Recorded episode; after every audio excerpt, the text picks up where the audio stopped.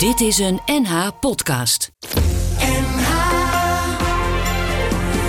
Thuis in heel Noord-Holland. Tekst en uitleg. Met Jos Heremans. NH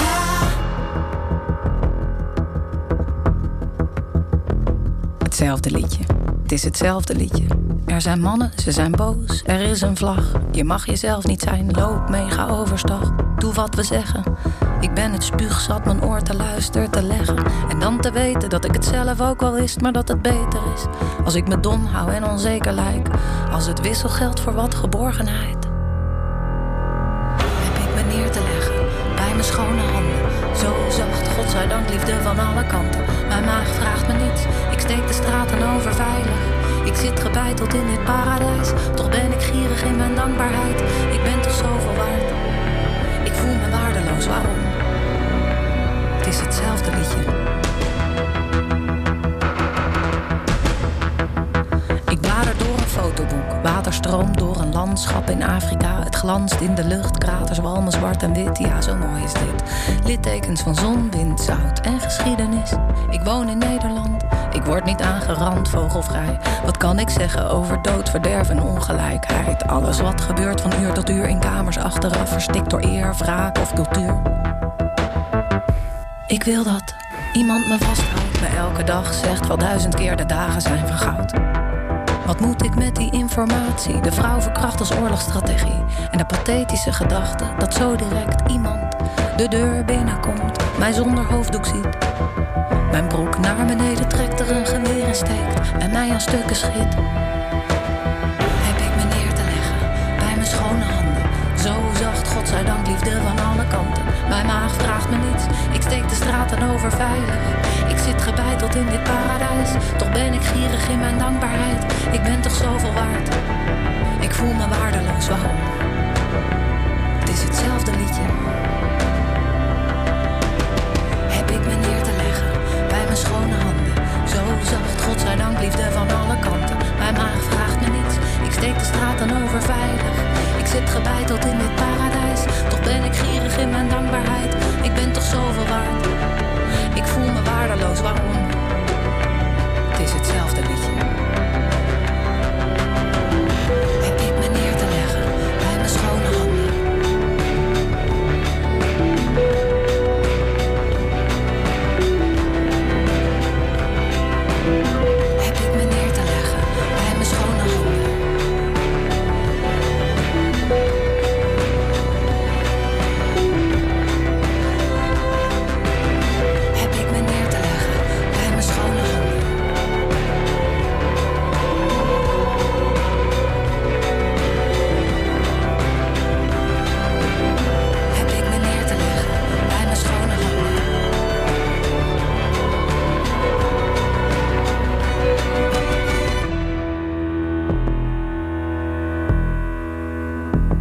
We zullen doorgaan, we zullen doorgaan tot de zon schijnt. Ik ben binnen, kijk naar buiten, de zomer brandt.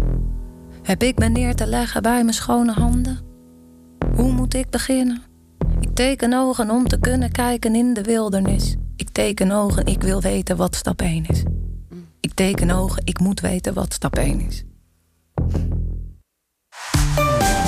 Goedemiddag, welkom bij eh, Tekst en Uitleg. En in eh, Tekst en Uitleggen begonnen we vanmiddag met eh Wende met schone handen. Een mooi nummer in deze barre tijden, mogen we toch wel zeggen.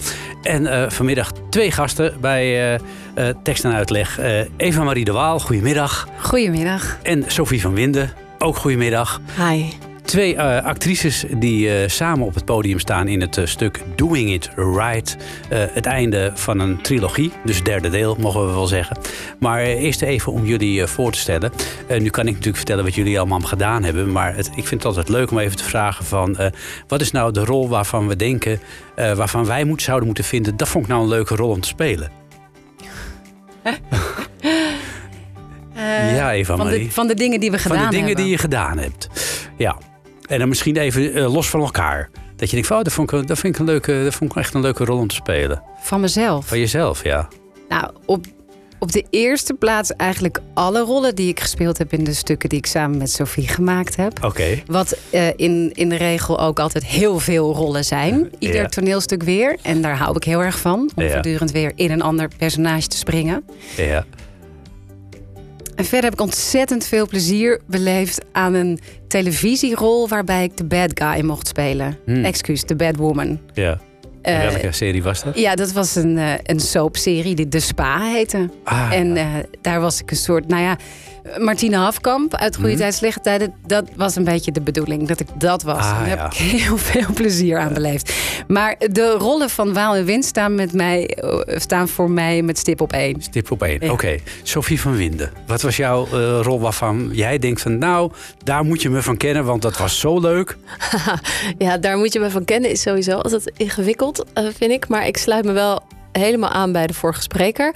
En om daar dan nog iets aan toe te voegen, moet ik toch ook denken aan een rol die ik speelde in het toneelstuk Gekluisterd van Mhm. Enda Walsh. ehm, waarin ik een meisje speelde dat gevangen werd gehouden door haar vader omdat zij polio had en hij schaamde zich daarvoor. En ik speelde toen eigenlijk de 45 personages uit zijn levensverhaal.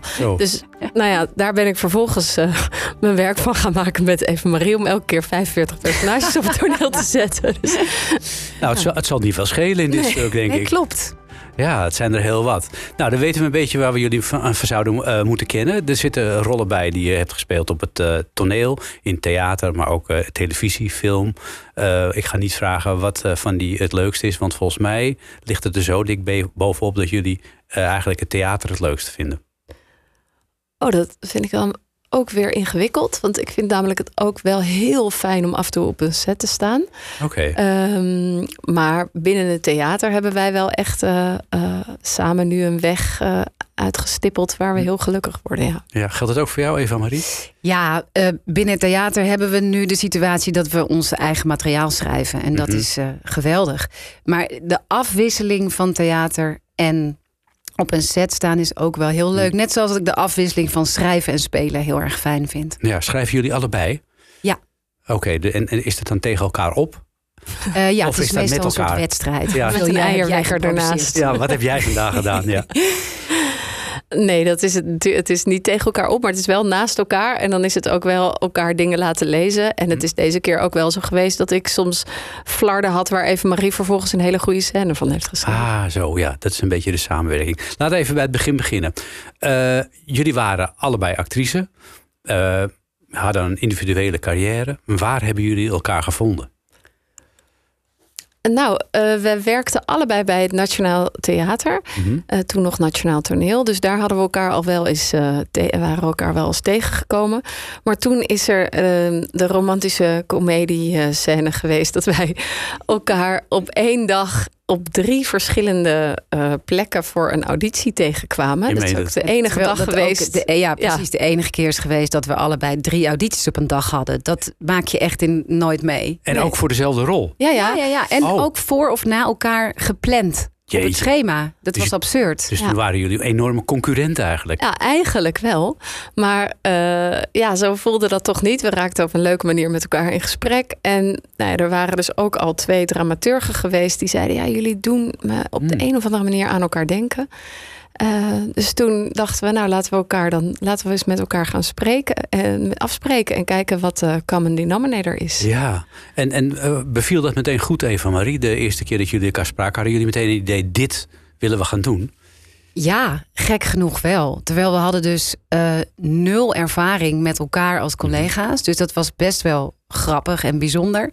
Dat we intuïtief allebei meteen dachten... met jou vind ik het leuk. Mhm. En eh, toen hebben we een heel open gesprek gevoerd... van oké, als wij iets zouden gaan maken samen... waar zou dat dan over moeten gaan? Mhm. En toen lag binnen 10 seconden de positie van de vrouw op tafel. Eh, waarvan we ook meteen zeiden: nee, dat moeten we niet doen. Want dat vinden we ingewikkeld en moeilijk en doodeng. En niemand Ja. wil daar naar luisteren of kijken. En toen zeiden we: oh, dan moeten we het juist doen. Juist. Nou ja, het was nog eh, voordat MeToo was losgebarsten. Dus het is eh, Best een tijdje 2013 geloof ik dat we voor het eerst met elkaar aan tafel zaten. Dus Ja. het is precies tien jaar geleden. Ja. Ja, maar dan weet je waar je het over wil hebben. Maar ja, eh, tussen droom en daad ligt nog een heel eh, onontgonnen terrein. Om het zo maar eens te zeggen. Waar begin je dan? En we zijn eh, eerst, uh, geloof ik, anderhalf A4'tje opgeschreven over wat we daar dan in eerste instantie over zouden kunnen zeggen. Uh, en toen hebben we een paar producenten aangeschreven. En eigenlijk was Marianne Rudolfi van Via Rudolfi meteen heel verwelkomend. En die zei: Nou, kom eens praten. Ik vind het wel een goed idee. Ik weet niet of het uh, Nederlands publiek er al op zit te wachten. Of weer, of Al- nog steeds. Of er al rijp voor is. ja, maar uh, ja, ze is wel met ons in zee Ja. gegaan. Dus Waarom dat ging wi- eigenlijk best snel. Ja, waarom wisten jullie zo zeker, Eva Marie, dat het daarover moest gaan? Ja, dat heeft dus. eh, nou, dat heeft denk ik ook echt te maken met dat we besloten zelf dingen te maken. En dat we allebei ook binnen nou, in de wereld, Mhm. maar ook binnen het werk. En ook doordat we allebei net moeder werden. En de positie van de vrouw dan ineens enorm eh, reëel wordt. Mhm. Dat je eigenlijk een beetje teruggezet wordt, dus. Eh, ja, dat het daardoor voorop lag qua thematiek. En voor ons voelde het ook urgent, omdat we binnen de acteerwereld natuurlijk allerlei dingen hadden meegemaakt. die een jaar later in de krant stonden. Dus, maar we liepen daar wel op vooruit. Dus Wat het- voor dingen waren dat bijvoorbeeld? ja, seksisme. Hm. Seksisme ten top. En ook het feit dat je als vrouw heel vaak nog steeds minder verdient. En dat je Hm. daar pas iets aan, iets aan kan doen als je weet wat je mannelijke collega's verdienen. En ja, eh, regisseurs die je op een bepaalde manier benaderen. Hm. Eh, rollen die minder interessant zijn dan je mannelijke collega's. Al die dingen eigenlijk. En het was heel grappig dat Marianne Rudolfi dus ook moeite had om Ja. ons te verkopen. Omdat theaters zeiden, is dat niet een beetje geweest? En dat we toen een beetje tegenvallende speellijst hadden dat najaar. Maar in januari barstte Me Too los. En toen is Holy F, onze eerste voorstelling, twee keer of drie keer in de reprise gegaan. Ja, kun je En nagaan. toen we weer speelden in dat voorjaar, zei iedereen: Nou, wat is dit actueel? Ja, ja, ja het kan snel gaan, hè? Ja, kan heel snel, Heel snel gaan. Of heel langzaam. Ja, ja dat ook weer. Ja, zo is het ook weer. En hoe, hoe zat dat dan in elkaar met, jou, eh Sophie? Kwam jij dat soort dingen ook tegen? Want eh, wat Eva Marie zegt, de, dat, dat je gewoon op bepaalde rollen werd, werd, niet werd gecast... of dat er anders tegen je werd gedaan dan tegen mannen. Ja, dat was natuurlijk ook juist eh, iets wat meteen een, eh, een, een, een bron van herkenning was bij elkaar. Omdat we daar ook allebei heel open over spraken. En er ook dus al onze eigen gedachten over hadden geformuleerd. Hm. In situaties dat we dachten, ja, iedereen doet alsof dit normaal is. Maar Hm. there's something rotten. Ja. Dus eh, dat, ja, dat heb ik zeker ook aan de hand gehad. Ehm, ook het hele idee van zelf erover nadenken, over wat je maakt en waarom je dat maakt. En dat je daarin. Ja, ik, ik ben altijd gaan spelen omdat ik verhalen wilde vertellen. Hm. Eh, en dat je als actrice toch misschien gewoon alleen maar moest doen Hm. wat eh, de grote baas van je verwachtte. Dat vond ik ook jammer. Dus Ja. wat dat betreft was die autonomie pakken door samen Mhm. iets te gaan maken ook heel erg in lijn met eh, ja, minder eh, op een seksistische manier werken. Ja, jullie hadden natuurlijk al wat ervaring. Jullie hè, waren geen broekjes die net kwamen kijken. He- heb je dat ook nodig, die aantal jaren ervaring... om eh, dit soort dingen aan de kaak te stellen... en, en, en tot, tot die visie te komen? Nou, in, in- wij wel. Mhm. kennelijk. Ja, hoewel we ook allebei toen al voorbeelden konden noemen van momenten dat we voor onszelf zijn opgekomen of voor iemand anders. Mhm. Of dat we dingen hebben geprobeerd uit te spreken. Maar ja, op het moment dat daar geen gehoor aan gegeven Mhm. wordt, dan eh, Is er een beetje solidariteit in, de toneelwereld? ja, soms wel, niet altijd. En wa- waar uitzicht dat in? De, de, wordt er wel eens eh, gezamenlijk opgestaan tegen bepaalde eh, wantoestanden? Ja, absoluut. Zeker de afgelopen jaren is dat heel Mhm. erg veranderd. Ja. Ja, dat is het denk ik, dat het juist zo goed is dat dat nu veranderd is. En dat er dus nu ook veel minder van dat soort wantoestanden Hm. ellenlang kunnen dooretteren. Ja. Eh, ja, ik heb het wel eens aan de hand gehad dat iemand ineens zei: Ik vind dit niet oké wat er, hoe er tegen Sofie gepraat wordt. Hm. Nou, dat voelde wel echt alsof er opeens een soort beschermengel eh, van achteruit de kamer begon eh, op te staan. Dus Ja. dat, dat was ook wel voor mij nieuw dat iemand dat deed. Dat iemand ja. het voor je opnam? Ja, dat vond Ja. ik heel, heel bijzonder. Ja. Ja, is, dus dat is veranderd. En is het dan moeilijker om voor jezelf op te komen? Want je kunt natuurlijk ook zelf zeggen van... ho, eh, wacht even. Nee, het was juist vaak als je het zelf had gedaan dat je dat het dan snel eh, de kop in Ah. werd gedrukt. Ja, ja, ja. Ik denk dat het voor jezelf opkomen eh, nu ook gewoon wat, eh, ja, wat meer naar, daarnaar geluisterd wordt. Dus Ja. dat is heel belangrijk. Ieder gezelschap en iedere filmset heeft vertrouwenspersonen, Mhm. intimiteitscoördinatoren. Dat- Er zijn heel veel dingen echt veranderd. ja. Dus voor acteurs is het, is het eh, leven er wel aangenamer op geworden, om het zo maar te zeggen. Ja, en nog steeds is het super spannend Ja. om iets aan te kaarten. Want je blijft een afhankelijk, in een afhankelijke positie. Je wil heel graag dat mensen datgene wat je doet goed vinden, jou leuk vinden en je nog een keer vragen. En je Dus wilt is die rol graag. Ja. Ja, ja, ik kan het me voorstellen. Eh, we gaan het hebben over eh, al die ontwikkelingen qua emancipatie, feministen in de loop, feminisme in de loop der eeuwen. Eh, nou, eeuwen is misschien een beetje overdreven, maar in ieder geval de loop, eh, afgelopen tientallen jaren. Een van de grote voorvechters eh, van eigenlijk eh, vrouwenrechten en vrouwenemancipatie, al in de jaren 70 en 60, was Kobi Schreier. En die zong daar ook over.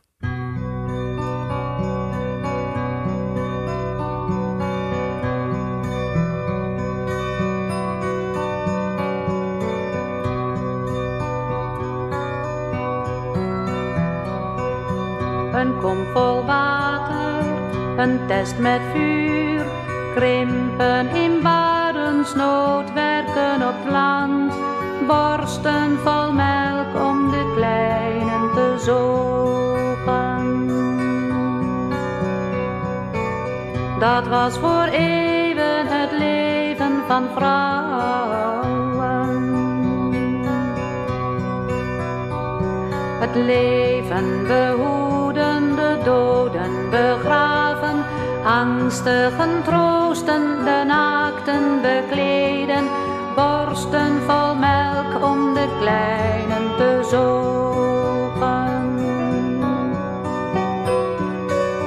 Dat bleef voor eeuwen het leven van vrouwen.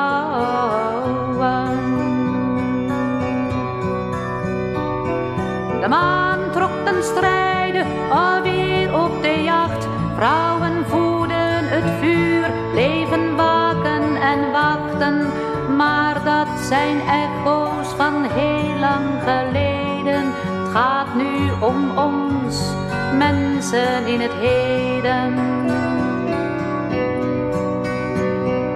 Veel is veranderd, het hol werd een huis. De man jaagt niet meer, maar is toch weinig thuis. Minder kinderen, er valt niet zoveel meer te zoeken. En ouder dan mannen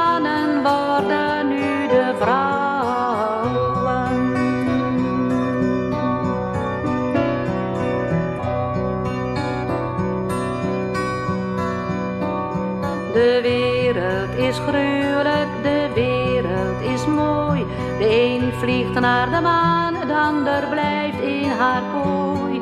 Haar taak is verdwenen, toch blijft ze gevangen. Ze zoeken een uitweg naar buiten, de vrouwen. Maar iedere uitweg zit in jezelf. Bedenk, aan de binnenkant zit ook een grendel. Weet wat je doet en wat je zou wensen. Zet open die kooi al zoveel andere vrouwen. Kijk om je heen, ook jij hoort erbij. Kom op voor jezelf, maar laat anderen vrij. Geef ieder de ruimte om zich te vinden. Misschien worden mannen en vrouwen nog vrienden.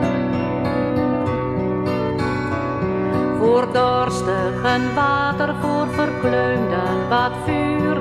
De schatten der aard voor zoveel te duur.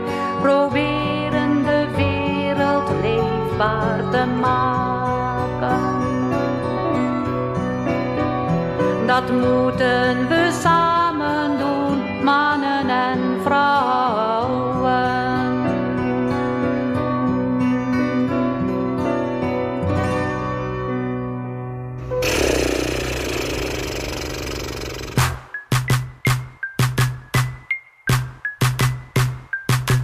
Hey bitch, hey hoer, hey slet, hey heks, ik heb het tegen jou. Denk jij dat jij je mond open mag doen? Wel heb ik nou.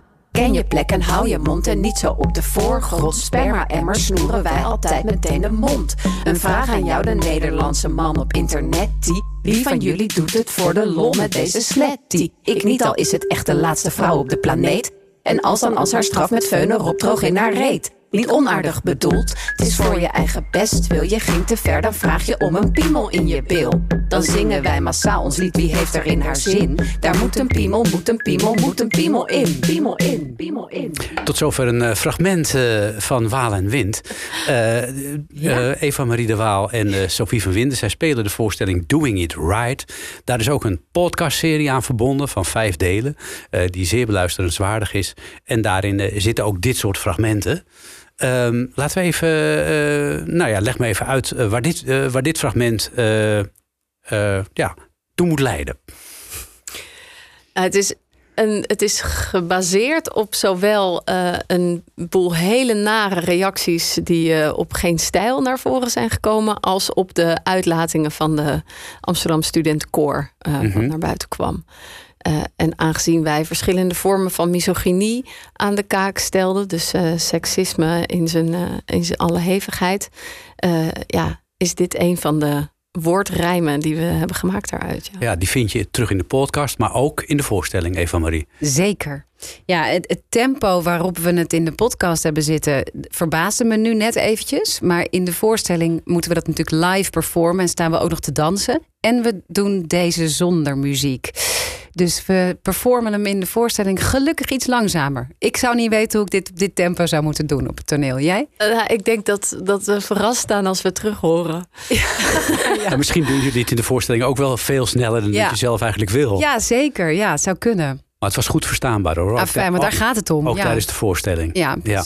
Uh, laten we het even over de voorstelling hebben. Uh, als je de zaal inloopt, dan ligt daar een enorme berg kleding. Ja. Waarom?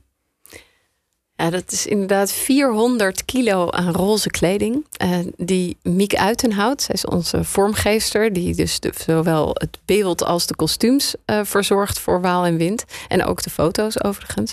En dit is haar concept geweest. We hebben in onze eerste twee voorstellingen um, heeft zij geweldige kostuums voor ons gemaakt. Mhm. Mm -hmm. En eigenlijk gedacht bij die derde. Misschien is het ook met het oog op duurzaamheid en met het oog op alle vrouwen die ons voor zijn gegaan, wel interessant om te kijken welke kleding er al bestaat en of we daar niet iets mee kunnen doen. Waar hebben jullie die 400 kledingstukken vandaan gehaald? Zijn jullie iedere kringloopwinkel in Noord-Holland afgegaan?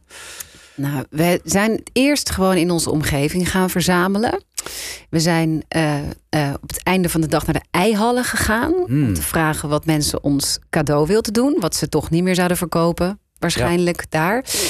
Uh, daar kwam al heel veel uit. Maar uiteindelijk zijn we ook naar een kledingsorteerbedrijf gegaan in Dordrecht. Mhm. Mm -hmm. Waar dus al die kleding terechtkomt die mensen allemaal in van die kledingbakken op straat deponeren. En zij sorteren dat weer uit in categorieën um, waar weer iets mee gedaan wordt of wat weggaat. Mhm. En nou ja, uiteindelijk daar hebben we ook nog heel erg veel uh, gekregen, gelukkig. En dat gaat ook allemaal weer terug naar hun. Oké, okay, en waarom moest alles roze? Ja, dat is natuurlijk wel uh, uh, de stereotype meisjes- en vrouwenkleur. Aha. Ja. Ja, en, uh, ja daar, dat, dat, dat is een keuze die is gemaakt, waardoor het nu ook een soort knetterende bubblegum-wereld is, eigenlijk, waar dus alle andere verhalen zich afspelen. Ja, op de. Op de ja, nou ja, we dachten ook wel echt, of Miek heeft dat wel echt bedacht vanuit het idee. Dan liggen al die vrouwen daar ook Hmm. op het toneel. En die kledingindustrie is natuurlijk ook zo'n uitbuitende en vervuilende industrie. dat je dat daarmee ook agendeert. Hmm. En ja, uh, uiteindelijk is het ook zo dat. Dat zijn ook weer mele, veelal vrouwen die daarin die werken. Daarin werken en, ja. ja, precies. Dus. En het zijn natuurlijk al die vrouwen die deze kleding ook weer gedragen hebben. Want dat Ja. weet je bijna zeker bij roze kleding. ja. Gemaakt, gewassen, Ja, ge- gedragen. En het is echt van alles, hè? Want het, het is niet eh, eenduidig. Nee, en Nee. het is dus ook doordat het zo'n hoop is, eh, is het voor ons ook heel aantrekkelijk dat we daar iets uit kunnen pakken en meteen een verhaal van een vrouw kunnen vertellen. Ja, en dat, dat vind ik zo knap. Want het ziet er dus uit als je zit te kijken. Als een enorme berg, eh, willekeurig gerangschikte eh, kledingstukken, gewoon op het toneel gesmeten. Jullie gaan er ook nog mee lopen gooien. en eh, uiteindelijk, bij iedere scène weet je precies wat je nodig hebt. Het- het jij lijkt was er een- bij de première, hè? Toen wisten we Alleen bij de première. Daarna ben je het kwijt. Nee, nee, nee, daarvoor. Nee, we zijn echt. Het was een behoorlijke tour om dit logistiek goed op orde te Dat krijgen. kan ik me voorstellen. Ja, dat is Want het echt- moet er chaotisch uitzien, maar je moet het wel op het juiste moment weten te pakken. En Ja, als je dat niet doet, dan ben je het kwijt. Ja. En dan mag je de volgende dag voor de repetities in 400 kilo kleding dat ene broekje terug gaan vinden. Nou, dat net is in een andere roze. Tint is dan de rest, hoop je. Maar Ja. het camoufleert allemaal Ja. verschrikkelijk met Ja, elkaar. ja. Want wat, hoe hebben jullie dat georganiseerd? Hebben jullie bepaalde eikpunten op het toneel waarvan je, de- waarvan je dan afspreekt, daar leggen we dat neer? Ja, en we wisten op een gegeven moment ook, alles wat we uittrekken, moet je een enorme zwieper naar de zijkant geven, anders raak je het eh, echt kwijt. Ah ja. En inmiddels, ik weet niet of je dat gezien hebt, staan er ook drie zwarte. Ja, Ja, en daar, als je weet, ik ga dit niet meer nodig hebben de rest van het gaat stuk, het in de ton. gaat het in die tonnetjes. Ja, Ja. want dan. Ah, dat is wel slim bedacht, ja. Ja. Maar het blijft wel. eh, ik, eh, ik, eh, ja, het is alleen wel heel leuk dat Mara van Vlijmen, die de eindregie voor ons heeft gedaan, die heeft er ons ook wel echt op het hart gedrukt. Gaat er iets mis? Omarm het. Het is jullie verhaal. Gewoon het zijn jullie vrouwen. Dan hebben ze maar een ander iets aan. En dat, ja, dat geeft ons ook wel de brutaliteit dat als je Ja. een jasje kwijt bent op een bepaald moment, omdat het toch ergens onder terecht is gekomen, ja, dan heb je iets Grijp je anders iets aan. anders. Ja. Ja, dan maakt het ook niet uit, Dus toch? het heeft, nee, het heeft ook wel iets van een verkleedkist, wat het ook wel Ja. weer heel speels maakt. Dus, Zit er iets tussen waarvan je denkt, dat zou ik zelf wel willen hebben? ja, Oh, toch wel? ja, ja, ik weet nu niet. Ja, ik vind het heel leuk. Je komt steeds weer andere dingen tegen. Want 400 kilo is zoveel. Dat ook al hebben we dit nu 100 keer in onze handen gehad. Mhm. je, je, je, je denkt steeds, oh, hè, zag ik dit al eerder? En ik zie, zie voortdurend allemaal dingen langskomen waarvan ik denk, oh, dit is echt voor iets voor die vriendin. Oh, dit is echt iets Mm. voor die vriendin. Dus ja, ik wil best wel even shoppen in ons decor eh, voordat we het wegdoen. Ja, ik kreeg ook al een verzoekje via, via de app over iemand die dat wilde. Oh, oké, die wil delen uit het... eh, ja. Ja. ik heb wel eens een keer een voorstelling gezien. Daar kon je zelf, Ja. volgens mij met de mug met de gouden tand... dan kon je zelf iets meebrengen.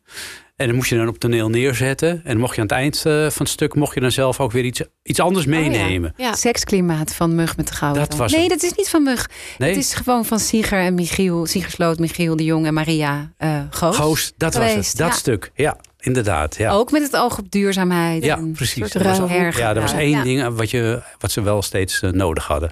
Wat iedereen dan weer wilde hebben. Maar Ja. dat is weer jammer. We gaan naar een lied luisteren van Sophie Straat. En waarom we daarna gaan luisteren, dat eh, vertellen we straks. Eh, hier komt ze. Ik brand een kaars voor de wereld waarin de tijd heeft stilgestaan en de keuze niet aan jou is, maar die van het Vaticaan. Dus lees eens een echt boek, want kennis is macht. Ook al slaap ik met de duivel, stop deze heksenjacht.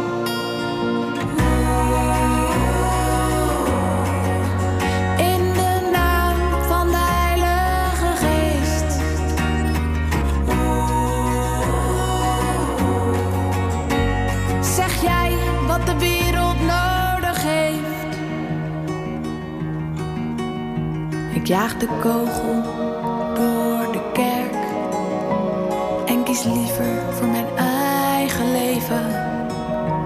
Ik kom toch wel in de hel, maar ik zal het je vergeven. Dus kom tot inkeer en lees een echt boek, want kennis is macht. Ook al slaap ik met de duivel, stop deze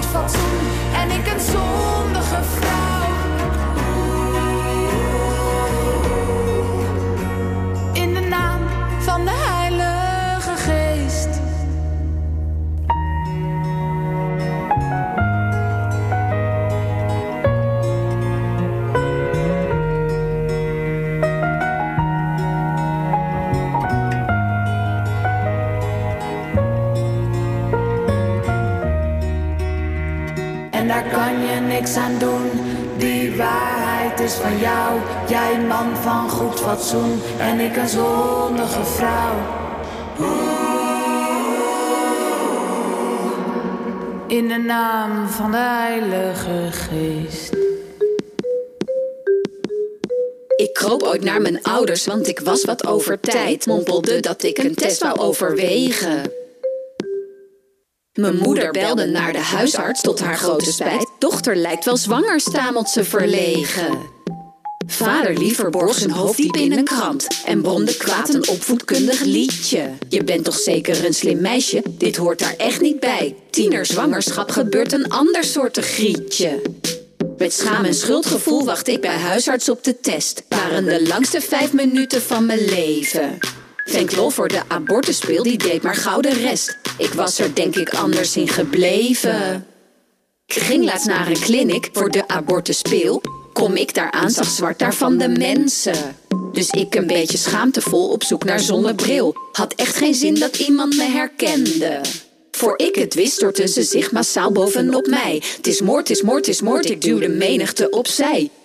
Hinkstap sprong, wat maken deze mensen een stampij? Man hijgt in mijn oor, spijt krijg je na de zonde hoor. Een vrouw duwt ondertussen plastic foetus in mijn oor. Lugubere verhalen bereiken mij in geur en kleur. Ik ruk mij los, kruip angstig op mijn knieën naar de deur. Als ik mij uitgeput over de drempel bij ze hijs, hoor ik moordenaar, moordenaar, moordenaar gekrijs. Moordenaargekrijs was dat eh, uit eh, de voorstelling Doing It Right van eh, Waal en Wind. eh, Eva-Marie de Waal en Sophie van Winden. Zij staan samen op het podium.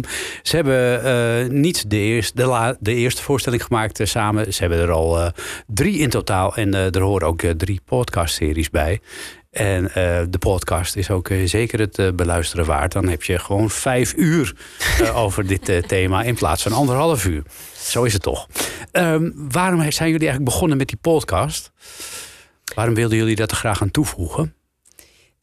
Nou ja, dat, was, dat is eigenlijk een beetje toevallig ontstaan. Doordat wij in coronatijd de tour hebben gespeeld van Mama Marlene, onze tweede voorstelling. Mhm. We hadden heel veel geluk. Wij waren onze tour niet kwijt, zoals heel veel andere gezelschappen. Maar we moesten wel voor 30 man per avond spelen. Oké. Eigenlijk 60, want we speelden daardoor twee keer. Maar Hmm. dat is nog steeds een klein bereik. wat je dan hebt. En toen zei onze producent: De inhoud is zo mooi. Kunnen jullie niet iets bedenken waardoor dat op een andere manier naar het publiek kan? Ja. En toen dachten wij: Oké, dan gaan we een podcast maken. Hadden we nog nooit gedaan. Eh, maar eh, hebben we toen geprobeerd. En dat beviel zo goed. Mhm. Maar dat hebben we toen dus na de première gedaan met de inhoud die al bestond. Dat we dachten, laten we dat voor de volgende voorstelling vooraf doen als research. Ah, zo. En dat is voor ons heel fijn geweest. Ja, dus dit keer is de, is de boel omgedraaid. Jullie hebben heel veel deskundigen ook gesproken in de Mhm. podcast over deze onderwerpen. Het onderwerp wat we net hoorden, abortus. Wie, eh, wie hebben jullie daarvoor benaderd? Eh, Madeleine van de Nieuwenhuizen. Eh, zij heeft een boek geschreven eh, over zelfbeschikking. En eigenlijk daarin gekeken wat zijn nou de argumenten die, waar, waar we mee kunnen slaan als het om abortus gaat. En eh, verder Eva de Goei van Stichting AVA Help, die zich inzet voor abortusrecht en anticonceptie. Ja, waarom wilden jullie dit thema aan de orde stellen? Want ja, ik snap het natuurlijk wel, maar het is handig als jullie het zelf uitleggen. Een, nou, omdat het ehm, een zeer belangrijk eh, thema is, een zeer belangrijk vrouwenrecht.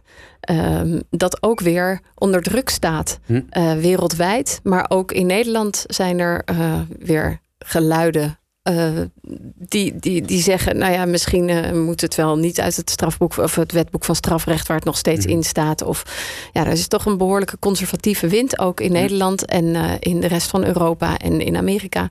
Dus het is een, een recht dat we heel graag wilden onderzoeken en verdedigen. Ja, wat mij opviel in de podcast is dat jullie er samen zo, zo ontzettend openhartig over praten.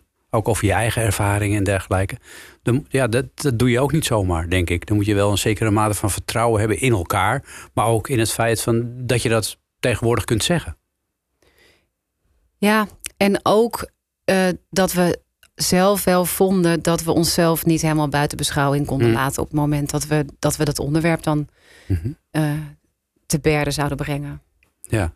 Is er, is er eh, veel veranderd op dit gebied in de laatste jaren. Ik heb, ik heb de indruk dat, Ja. dat er juist weer eh, dat we een beetje in, in eh, de achteruitversnelling staan. Ja, wij ook. En het is zo eng. Dat leerden we ook echt van Eva de Groei, die dus hier fulltime zich mee bezighoudt.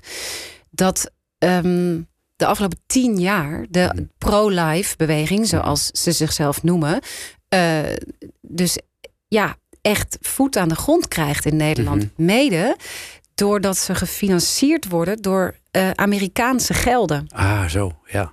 Nou ja, dat vind ik een doodenge ontwikkeling. Dat er dus echt een anti-abortus eh, eh, auto bestaat. Waar je als vrouw in uitgenodigd wordt als je op weg bent naar de kliniek. Om alvast even naar een echo te kijken. En dan eindeloze gesprekken te voeren. Dat Ja. God het echt niet zo wil. En dat vind ik echt wel heel doodeng. Ja, dat, dat is ook vreselijk. Ik bedoel, ik was twee jaar geleden in Polen op vakantie. Oh, ja. En eh, daar staat eh, op, op- nou ja, ik wil niet zeggen, maar in grote steden, daar, daar vind je om de havenklap, eh, zie je posters of muurschilderingen tegen abortus. Of eh, inderdaad ook mensen met vreselijke foto's van eh, afgedreven vruchten. eh, en iedereen maar proberen te overtuigen dat het echt vreselijk is. er. Verschrikkelijk wat daar aan de hand is. Je heel- kunt eigenlijk op geen enkele manier meer aan een abortus komen in Polen. Ook niet als je een zwaar gehandicapt kind Hm. draagt. Of eh, in vreselijke omstandigheden verkeert. Het is echt heel naar. Hoe zou het komen? Dat, dat, want eh, dat is wel mooi wat jullie in je voorstellingen ook eh, benadrukken. Eh, De hele ontwikkeling, zeggen jullie zelf, gaat in golfbewegingen. Maar eigenlijk zou je geen golfbeweging moeten hebben qua dit soort ontwikkelingen. Maar een stijgende lijn omhoog die ergens eindigt met gelijkheid en recht op zelfbeschikking. Mooi gezegd. Ehm, dus hoe zou het komen? Dat ja, waar stagneert het? Ja, dat is natuurlijk heel lastig waar dat precies stagneert. Eh, We hebben wel toch ook de hoop, denk ik, ehm, dat als je een paar stappen vooruit gaat, je soms weer even achteruit moet om Mhm. daarna nog verder eh, eh, vooruit te gaan. Mhm. Dat dat misschien nu ook aan de hand is. Want er wordt natuurlijk op heel veel vlakken ook progressie geboekt op het gebied van emancipatie. Maar eh, ja, dat de ongelijkheid eh, juist ook groeit, is wel een heel eng, eh, eng punt. Hoe is die uitspraak ook alweer? Dat de weerstand het hoogst, hoogst is? Op het Ja, moment? als de verandering nabij is, toch? ja, Ah. maar er is een uitspraak die wij ook Hm. Nog op een t-shirt wilden zetten. Oh, oh. Nou, Nou ja, ja. hoe dan ook. Laten we hopen dat het eh, twee stappen vooruit en één achteruit is. En niet één vooruit, twee achteruit. Nee, laten we dat inderdaad eh, daar, daar eh, op hopen. Eh, Ja, hoe dichter bij de verandering, hoe groter de weerstand. Ja, dat Ja. is. hoe dichter bij de verandering, hoe groter de weerstand. Ja, of dit zijn de laatste stuiptrekkingen van het patriarchaat. Dat hoor Ja. ik ook wel eens. Ja. Oh, dat zou ook nog Dat kunnen. het daardoor ook de weerstand zo heel erg Ja, opvlamt. even Ja. als een. Ja. Denk, denk je dat jullie, eh, want, want eh, denken jullie dat je een, een grote groep mensen meekrijgt met, met, eh, met dit stuk? In die zin van, ehm eh, je preek je niet een beetje alleen voor eigen prochie, want het is natuurlijk ook, je moet een beetje oh, ja, een groot publiek proberen te bereiken. Hoe, hoe kun je dat doen? Nou, dat is ook wel zeker iets wat, waar we ons mee bezighouden. En daarom hebben wij ook een beetje gedacht: weet je wat, wij zijn geen loeizwaar toneel Mhm. over misogynie. Maar wij kaarten allerlei vormen van eh, seksisme en ehm, andere zaken aan. eh, op een manier die licht, leuk, makkelijk en doodeng is. Dus het is ook gewoon super entertaining, krijgen we gelukkig terug. En eh, we maken er ook een two-women show van met muziek, met een waanzinnig decor. Dat eh, ja, ook alleen al om naar te kijken, zoals je zelf ook net zei, eh, heel leuk is. Dus ja, het is. Wij, we hebben wel inmiddels een vorm gevonden waarin we zoveel verschillende genres Mhm. ons eigen maken.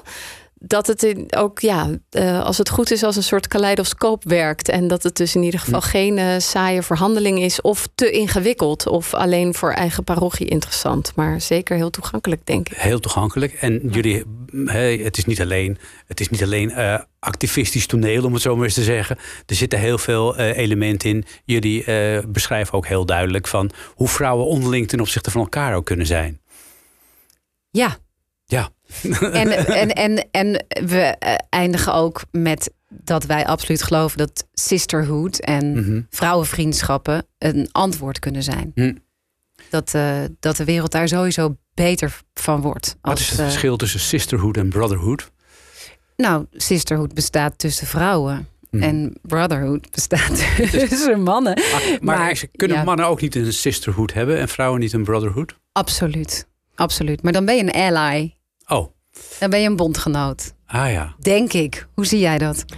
Ja, nou ja, de we're all in this together, om maar even in het Engels te blijven, is ook wel een eh, motto voor ons geweest. En dat eh, zeggen wij ook in de voorstelling, dat het hè, niet alleen in een soort nieuw idee van hoe we met elkaar om moeten gaan, dat daar niet alleen de vrouwen de scepters waaien, maar nee, iedereen die bereid is om een hele strikte gendernormen vast te, eh, om, de, om die gendernormen los te laten. Dus om niet alleen maar te denken, het hoort zo en daarom doen we het al eh, zo lang zo en gaan we daarmee door. Maar ja, ehm, maar inderdaad, die sisterhood. Dat dat ook betekent dat je, hè, dat je voor elkaar opkomt. Of dat je weet dat je er voor elkaar bent. Dat mannen daaraan mee kunnen doen. Graag. Ja. Gebeurt dat vaak, dat mannen het ook voor jullie opnemen, voor vrouwen? Ja, wel steeds meer. Ja. Je merkt wel dat, eh, dat mannen wel minder beschaamd zijn om elkaar aan te spreken op gedrag wat, eh, wat onwenselijk is. ja. Ja, we hebben daarvoor in een podcast ook met eh, Kevin Heller, die is van Stichting Emancipator, die zich inzet eigenlijk voor emancipatie. Is, eh, feminisme is ook goed voor mannen, stelt, eh, stelt eh, Stichting Emancipator. En hij sprak met ons over de zogenaamde bro-code. eh, dat die mannen dus met elkaar hebben. eh, en dat, dat, dat die ervoor zorgt dat het heel vaak lastig is om iemand aan te spreken in een kroeg bijvoorbeeld. Van hey, als die vrouw va- lastig valt. Dat, dat het Ah, zo. voor een andere man lastig is om te zeggen: hey, hou Dat dat mee niet. op. Ja. En dat, nou ja, dat er zoiets al bestaat, dat, dat vond ik ook wel eh, interessant. maar dat daar, ja, dat er dus mee wordt gebroken, is wel Ja. een grote winst.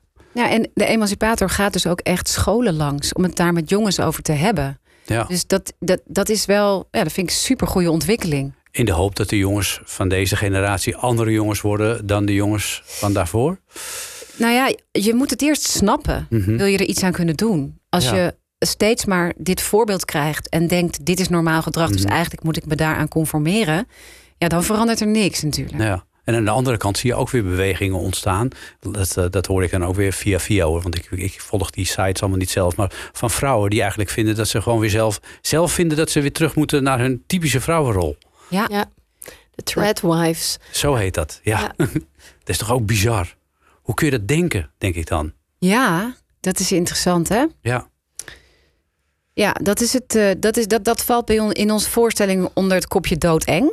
Ja, het is een beetje eh, alsof je terug wil, eh, alsof je een soort eh, de, de, de mormonen Ja. of de. Nou, dat, het, wat er, dat zit inderdaad heel erg onder, dat, die, onder die regressie, valt dat volgens mij onder dat nieuwe conservatisme. ja. Ehm, en ja, daar zit waarschijnlijk voor mensen toch een idee van veiligheid. Hm. Maar dat het ook betekent dat als je gaat scheiden van die man waarvoor je altijd zijn lunch maakt en met zijn flesje water klaar staat, dat je dan financieel helemaal met niks achterblijft. Of dat als je ongewenst zwanger bent, dat je dan niet een abortus kan krijgen. Dat hangt er natuurlijk wel allemaal aan vast. Ja, Ja, en ja. dat is wel, eh, dat is doodeng. Er valt nog een hoop te, te veranderen en te verbeteren. En eh, nou ja, laten we zeggen, eh, beter te maken in deze wereld qua gelijkheid. Eh, we hadden het net al even over dat jullie niet alleen eh, hele serieuze thema's eh, aansnijden, maar ook eh, heel veel grappige dingen doen. Laten we daarom maar even naar een grappig nummer gaan luisteren over eh, hoe de een wil wat de ander ook heeft van eh, Kiki Schippers. Papegaai heet het. Wil jij een ijsje? Wil ik die ook? Drink jij een biertje? Wil ik dat ook? Heb jij nieuwe schoenen? Moet ik ze hebben? Heb jij een mega leuke plek op het terras? Moet ik daar ook? Heb jij een prijs?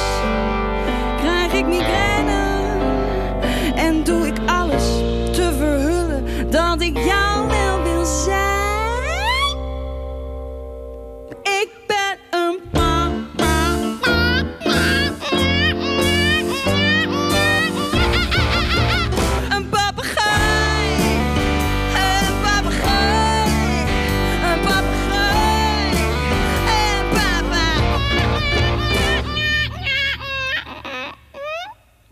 Neem jij een taartje? Moet ik die ook? En heb jij Pfizer? Dan wil ik die ook. Wel een dubbele dan, alsjeblieft. En als je appt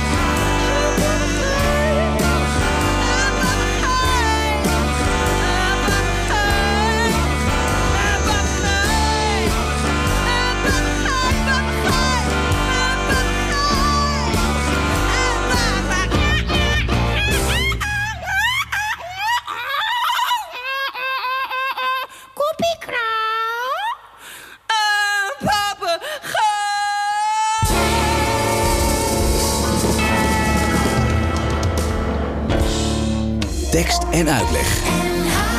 En vanmiddag in eh, tekst en uitleg hebben we het over Doing It Right. Dat is eh, de voorstelling en aanverwante podcast van eh, Eva Marie de Waal en Sophie van Winden. En daarmee eh, met die voorstelling staan ze momenteel in de theaters in Nederland. En doen ook op diverse gelegenheden Noord-Holland aan. Bijvoorbeeld, Sophie, eh, in Bellevue. Ja. In december is dat. Precies, Jullie half december. Ja, vorige week hebben jullie de première gehad. Eh, hoe was dat? Ja, dat is, was natuurlijk heel spannend. Ook omdat dit wel een eh, heel eclectisch geheel is. Dat we, eh, waar de voorstelling uit bestaat. Dus eh, ja, hoe komt het dan op iedereen over? Maar het was echt te gek eigenlijk. Ja, viel het mee, de reacties? Ja, we waren heel blij. Jullie waren blij, het publiek was blij. Ja, daarom waren wij blij. Oh, daarom. Het is niet het enige waar jullie mee bezig zijn, die podcast en die serie. Want dit, dit houdt natuurlijk in december spelen jullie. de- Tot december, tot en met december spelen jullie deze voorstelling. Zit er daarna nog meer in het verschiet, Eva Marie? Eh, zeker, we gaan met een, eh, met een eh, korte versie van deze voorstelling deze zomer naar de Parade, Mhm. Paradefestival. Maar we hebben ook allemaal toekomstplannen. We gaan een nieuw drieluik maken over, rondom het thema macht. Dat raakt hier en daar natuurlijk wel aan dit thema. Maar toch gaan we weer uit heel andere vaatjes stappen. We zijn bezig met een film. We willen een boek schrijven. Dus zoals je En, net en al waar moet de film, aanst- gaat de film ook naar aanleiding van dit thema in deze serie? Nou, wij, wij hebben onszelf ten doel gesteld. eh, wij maken eigenlijk alles vanuit de female gaze. Omdat de male gaze is toch de wereld, de blik waar de wereld mee vertrouwd is. eh denk dat dat neutraal is, terwijl dat is het misschien wel helemaal niet. Eh, dus wij, ja, alles wat we maken is vanuit de vrouwelijke blik. En zo ook de film die we voor ogen hebben. Ja. Oké, nou, ik ben benieuwd. Wanneer moet die uitkomen? Haha. Hebben jullie we al zijn geld? In, nou, we zijn in gesprek met een hele fijne producent. Ah, dus het gaat de goede kant op. Dat gaat de goede kant op. En het boek? Ja, dat, dat is een, eh, een plan. Oh, oké. Maar over het algemeen werken wij gewoon net zo lang aan plannen tot ze verwezenlijkt zijn. Ja, het komt omdat er zo, we hebben zo'n schat aan materiaal door dit drieluik over de positie van de vrouw verzameld. Dat het gewoon heel fijn zou zijn om het op de een of andere manier te archiveren. Ja, dat kan ik me voorstellen. Gaan jullie ook nog eh, apart van elkaar iets doen? Want jullie zijn zo eh, vervlochten geraakt door deze drie eh, voorstellingen en podcasts die jullie gemaakt hebben. Dat je je nauwelijks kunt voorstellen dat je ook zelfstandig nog iets doet. Dat je er überhaupt tijd voor hebt. Ja, die, die tijd die hebben we en die maken we en die bewaken we, we ook. En, en als we dan andere dingen doen, dan, eh, dan missen we elkaar ook altijd heel erg weer. en dan komen we snel weer bij elkaar. Ja, ja, ja. Maar waar staat er voor jou bijvoorbeeld iets op programma binnenkort al? Behalve de- deze voorstelling Doing It Right? Of mag je daar niks over Eh, zeggen? Of... Nee, ik kan daar nog niet zoveel over zeggen. Ik ga, ik ga ergens aan schrijven, maar mijn volgende productie... Nee, ik ga daar niks over zeggen. Goed, jij gaat. eh, en eh, Sophie. Ja, ik sta eh, volgend jaar januari ga ik het toneel op in een voorstelling van Liliane Brakema in ieder geval. En verder ben ik een eh, filmscenario aan het schrijven. Kijk, eh, jullie zitten niet stil. Uh, ik wens jullie heel veel plezier met de komende voorstellingen, de komende tijd. Uh, en uh, met alle andere werkzaamheden die, die jullie doen. En laten we hopen dat de boodschap die jullie willen uitdragen bij een heel groot publiek bekend raakt. En dat mensen er ook iets mee doen. Dank jullie wel. Heel veel dank. Dank je wel. Ja, ja en straks na zes gaan we gezellig nog een uurtje door met tekst en uitleg. Dan heb ik uh, een uur lang prachtig mooie liedjes voor je. Tot zo.